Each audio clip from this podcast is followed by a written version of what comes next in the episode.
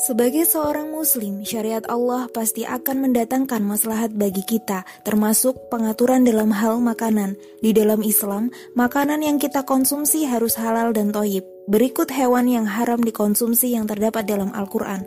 1. Bangkai, kecuali bangkai belalang dan ikan atau hewan air. 2. Daging babi. 3. Hewan yang disembeli untuk selain Allah. Adapun larangan hewan yang haram dikonsumsi yang terdapat dalam hadis yaitu 1 keledai jinak, 2. Hewan yang bertaring, 3. Burung yang bercakar tajam atau burung pemangsa 4. Jalalah atau hewan halal yang mayoritas makanan utamanya adalah barang najis sehingga menjadi haram dimakan dan diminum susunya 5. Tikus 6. Kalajengking 7. Burung gagak 8. Burung elang atau raja wali 9. Anjing 10. Ular 11. Cicak atau tokek 12. Semut 13. Lebah 14 burung hut-hut, 15 burung surat, dan 16 kata. Sahabat muslim, yuk hindari larangan Allah, kita taat, pasti syariat Allah mendatangkan maslahat.